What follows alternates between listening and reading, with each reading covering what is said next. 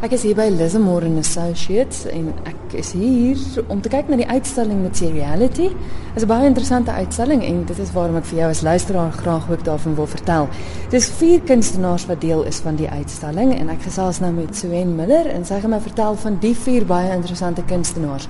Vinnig gou so en die die titel Materiality. Hoekom die titel? Wel, ons het hierdie kunstenaars geselekteer as 'n vierman uitstalling met Mandy Koppes Martin, Dirk Bauman, Stephanie Erasmus en Mandy Johnston. Die wyse hoe al vier hierdie kunstenaars met hulle materiale spesifiek werk het vir ons uitgestaan. En Materiality binne 'n groter konsep dui op eerstens die kunstenaars se interaksie met 'n materiaal. Daar is daar's 'n proses verbonde om met 'n materiaal te werk en dan ook die materiaal se wyse hoe dit in 'n spasie uitgestal word en hoe dit 'n sekere spasie aktiveer. Soos op hierdie uitstalling is daar baie installasiewerke wanneer is 'n baie driedimensionele gevoel wat ons probeer skep omdat die materiaal juist so belangrik is en dan staan natuurlik ook 'n verskeie verskeie materiale wat gebruik is. Kom ons kyk gou na elkeen van die vier kunstenaars. Ons gesels 'n bietjie oor hulle werk en ja, skep vir die luisteraars 'n prentjie van hoe dit lyk sodat hulle kan kom kyk.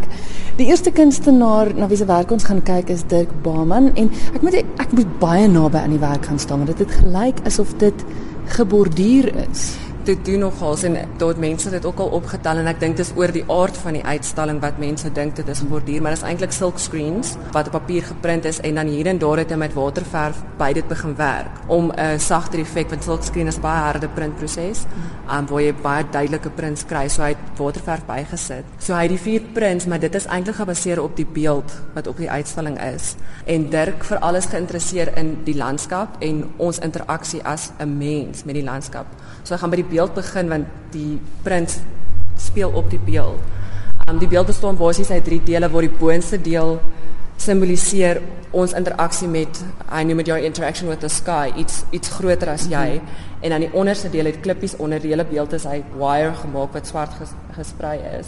Die onderste deel het klippies en dit simboliseer jou connection connection wat jy met jou jou aarde het mm. of met die landskap het want dit is tog waar ons almal gewortel is en aan die middelste deel is 'n kobbeen, maar hy het twee, ek kan dit sê balle rondom hom wat basies jou innerlike self en jou uiterlike self simboliseer. Want soos die kunstenaar ook regmatig sê, is jy het 'n innerlike self wat jy vir niemand noodwendig wys nie, maar dan is daar uiterlike self wat jy met mense sal deel en die hele konstruksie simboliseer hoe jy in 'n groter konteks met mense kommunikeer en met jou landskap kommunikeer. En van daar dan ook die feit hoekom hy die kobbene gebruik het in die, die prins. In die prins. Wat eintlik baie interessant is, hy is 'n argitek, so hy het hy kom uit daai agtergrond uit, so hy het 3D modelle geskep op rekenaar om die print want dit is baie geometriese print, ag beeld. Hmm om dit te skep moes hy driedimensionele model skep en van daar af het hy die prints gedoen. So hierdie is eintlik die ek wil dit die voorsketse noem vir die beeld wat hy toe hy moes hulle obviously nou plat maak en toe hy ekstra by dit gaan werk om die prints te kry. So hulle dis kom ek sê hulle speel voort op die beeld. Hulle is eintlik 'n voortbouing van dieselfde konsep. Die ander kunstenaar wat ook deel is van die uitstalling is Mandy Koppes Martin en ek dink sy sal bekend wees aan die luisteraars want ek het vorige keer met haar gesels toe sy solo uitstalling by julle gehad het. Dis die vrou wat hierdie absolute wonderlike dinge met sy aanvang.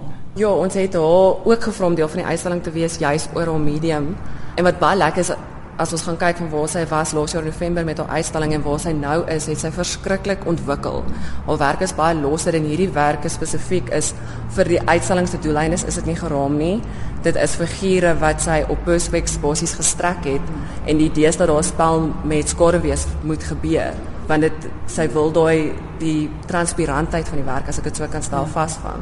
Wat vir my baie nice is van hierdie werke met haar vorige werke het sy op spesifieke modelle gewerk want in 'n groter konteks praat sy oor die mensdom en hoe ons basies ons environment gebruik en verbruik en hoe ons nog steeds nie versadig is nie. So hierdie figure het almal die gaatjies in die maag wat op daai idee van verbruik speel waar jy verbruik heeltyd maar jy is nooit versadig nie. Um en wat vir my nice is van hierdie spesifieke figure, sy het 'n uh, universele figuur probeer skep.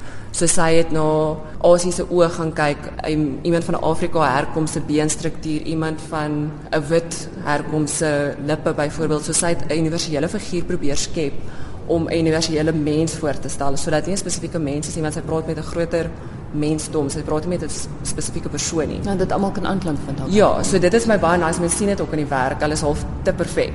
Mm. Dit het ek eers keer gesien het, het ek gedink hulle lyk like te perfek. En dan natuurlik die syferim speel ook 'n baie baie groot rol. Sy is baie erg op sy beskadig geen geen suiwerings word misbruik tydens die proses nie. Sy gebruik net suiwerm kokonne wat reeds uitgebroei is. En dan ook die idee vir 'n suiwerm, ek het dit nooit geweet nie, 'n suiwerm is blind. So basies is in 'n suiwerm se bestaan bestaan die suiwerm net om te consume om te, sy kokon te kan spin en 'n mot te word, maar 'n mot lewe net vir tussen 7 en 10 dae en die mot se enigste doel is om voor te plant is om eiers te lê. So konseptueel speel dit eintlik so lekker saam met hierdie werke want dit is wat sy probeer sê van die mensdom is ons gebruik net heeltyd en dan terselfdertyd dit sy installasie met papierrotte wat baie snaaks klink.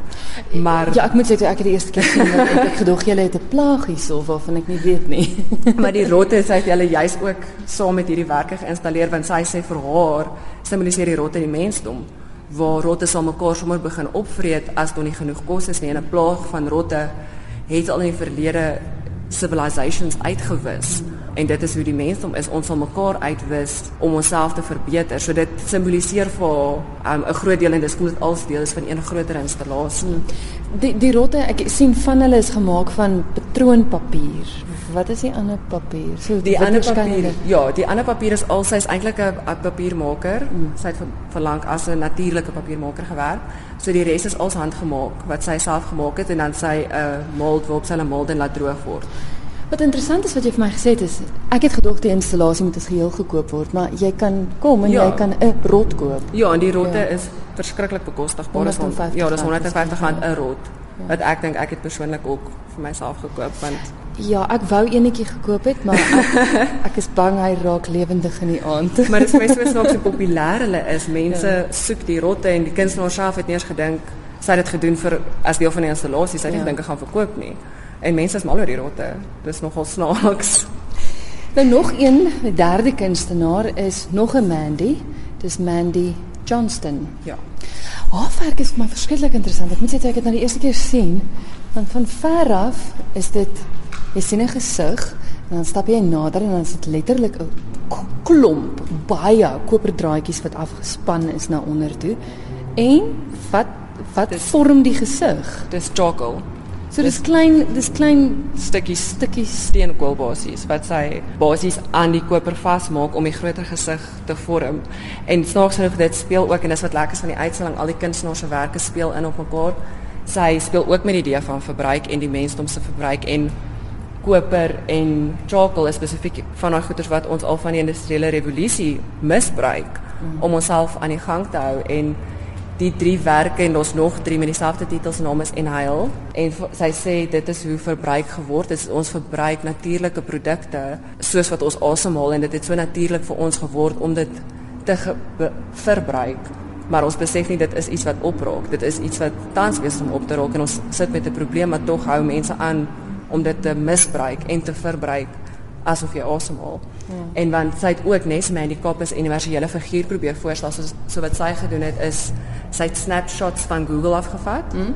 en toe sy dit basies gemerge met foto's van haar vriende om 'n universele tipe gesig te probeer skep en dan ook hulle almal se monde is oop om die idee van asemhaling voor te stel en wat vir my baie nice is van hierdie werk en my stel dit nie so lekker in die dag op nie sy het op die glas waarop dit geraam is gaan grafeer So as jy met 'n lig en dis kom ons ons met spesiale ligte moes installeer.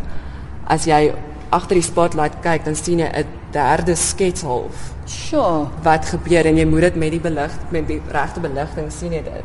So dit lyk as jy op die eerste oogopslag lyk dit of dit net op die glas gekrap is. Maar dit is 'n derde skets wat sy basies opgesit het. Wat jy sê, ek staan verstom oor wat wat kunstenaars uitdink ja. om kuns mee te maak. Ek meen wie in jou lewe het nou gedink steenkoolstukkies wat in koper vasgebind word kan dit maak. En die ding is men dis baie baie labor intensive. Ek dink sy het iets soos 'n 1000 stukkies steenkool altesaam gebruik en dan om elkeen met die hand vas te maak en dan moes hy die spesiale raam laat maak dat sy hulle kan laat afhang en dan nog om te sorg dat dit 'n gesig vorm. Ja. dis dis wat ek het vir gevra hoe sy dit reg gekry het sy 'n gesig agter gesit toe sê sy sy kon nie want dit is in die raam ingebou. So sy moes letterlik met 'n gesig langs haar sit, 'n stukkie steenkool vasmaak, terug staan en dit maar uit haar kop uit doen omdat die aard van die werk kon nie toelaat dat sy 'n skets agter dit kon sit om vanaf te werk nie. Ongelooflik. Nou kyk, dit raak net beter. Die laaste kunstenaar is Stefan Erasmus en ek dink as ek reg is dat ek opgemerk het hy nogal redelik verskillende mediums gebruik het Ja. want hierdie wa- waarna ons nou kyk is is landskappe, dis berge met lug, maar dis alles die alfabet. Ja, dit is Prins. Um en wat ek dink sentraal aan Stefan se werk is die idee van teks. Dit kom baie sterk deur.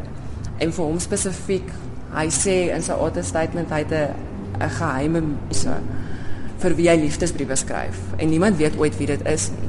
So meeste van hierdie teks wat jy want die berge bestaan basies uit hierdie teks uit hoe die teks op mekaar geplaas is en dit is liefdesliedere wat hy dan so manipuleer die teks word so gemanipuleer dat jy dit nie regtig ek dink hier en daar kan jy bietjie By die boonste lees. is dit makliker want die die Ja. die lug daarbo is ver uit mekaar Ja. uit en dan die berge is naby aan mekaar en dan is hier dele wat dit so oor mekaar is dat jy nie kan lees sien nie. Ja.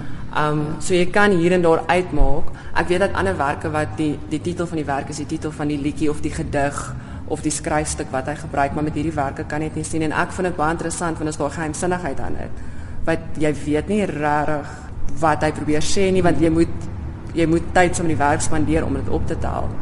Um so die, die gedagte van teks is baie sentraal in sy werk en dan het hy ook beelde op die uitstalling wat van hout gemaak is maar hy basies die hout reghoek en in die middel van dit het hy klomp papiertjies ingedruk. En hierdie is papier wat geshred is. Dit is ook liefdesbriewe en tekste wat hy dan gaan shred het in 'n bondeltjies opgevou en dan daarin gedruk is. En ek is absoluut gek oor die werk want vir my is daar baie 'n geheimsinnigheid aan dit want geen mens gaan in eerste plek die beeld uitmekaar uithaal nie. En jy gaan ook nooit weet wat die eintlike brief is nie, wat sy eintlike boodskap is nie. So dis 'n baie persoonlike werk ook. Hy hou van papier want een van die ander werke wat die oorkant is ook is is katoen draad wat hy nou gebruik het, maar daar is ook stukkies papier in gewewe. Ja, dit dit speel op dieselfde konsep. Die werk se naam is Night Veil. So dis 'n swart doek met stukkies wol wat aan dit vasgemaak is wat hang. Maar daar is liefdesbriefies aan dit vasgemaak, maar dit is toegebind. So as jy wil, kan jy sekerlik nou maar alles uitmekaar gaan haal as jy die werk nou gekoop het en dit lees, maar dis als geheime liefdesbriewe en hierdie ek weet van sy werk het ook begin met die idee van Zulu love letters. Die gedagte daarvan het het 'n groot invloed op sy gedagtegang gespeel en dan ook Afrika rituele. En dis waar die naam Nightwell vandaan kom, want dit gaan oor 'n groter ritueel. Um en dan het hy dit teruggetrek na 'n baie persoonlike konteks toe wat dan nou vir sy is, wat niemand weet wie dit is nie. Wat nogals my interessant is, is baie geheimsinnig, maar ook so universeel. Ja. Inderdaad 'n interessante uitstalling. Tot wanneer toe is die werk te sien? Um dit is tot 27 September op. Dis by Lismore Associates in Jan Smutslaan. Ja, 155 Jan Smit Sloan in Parkwood of Rosebank, behoort jy dit ook in te kry.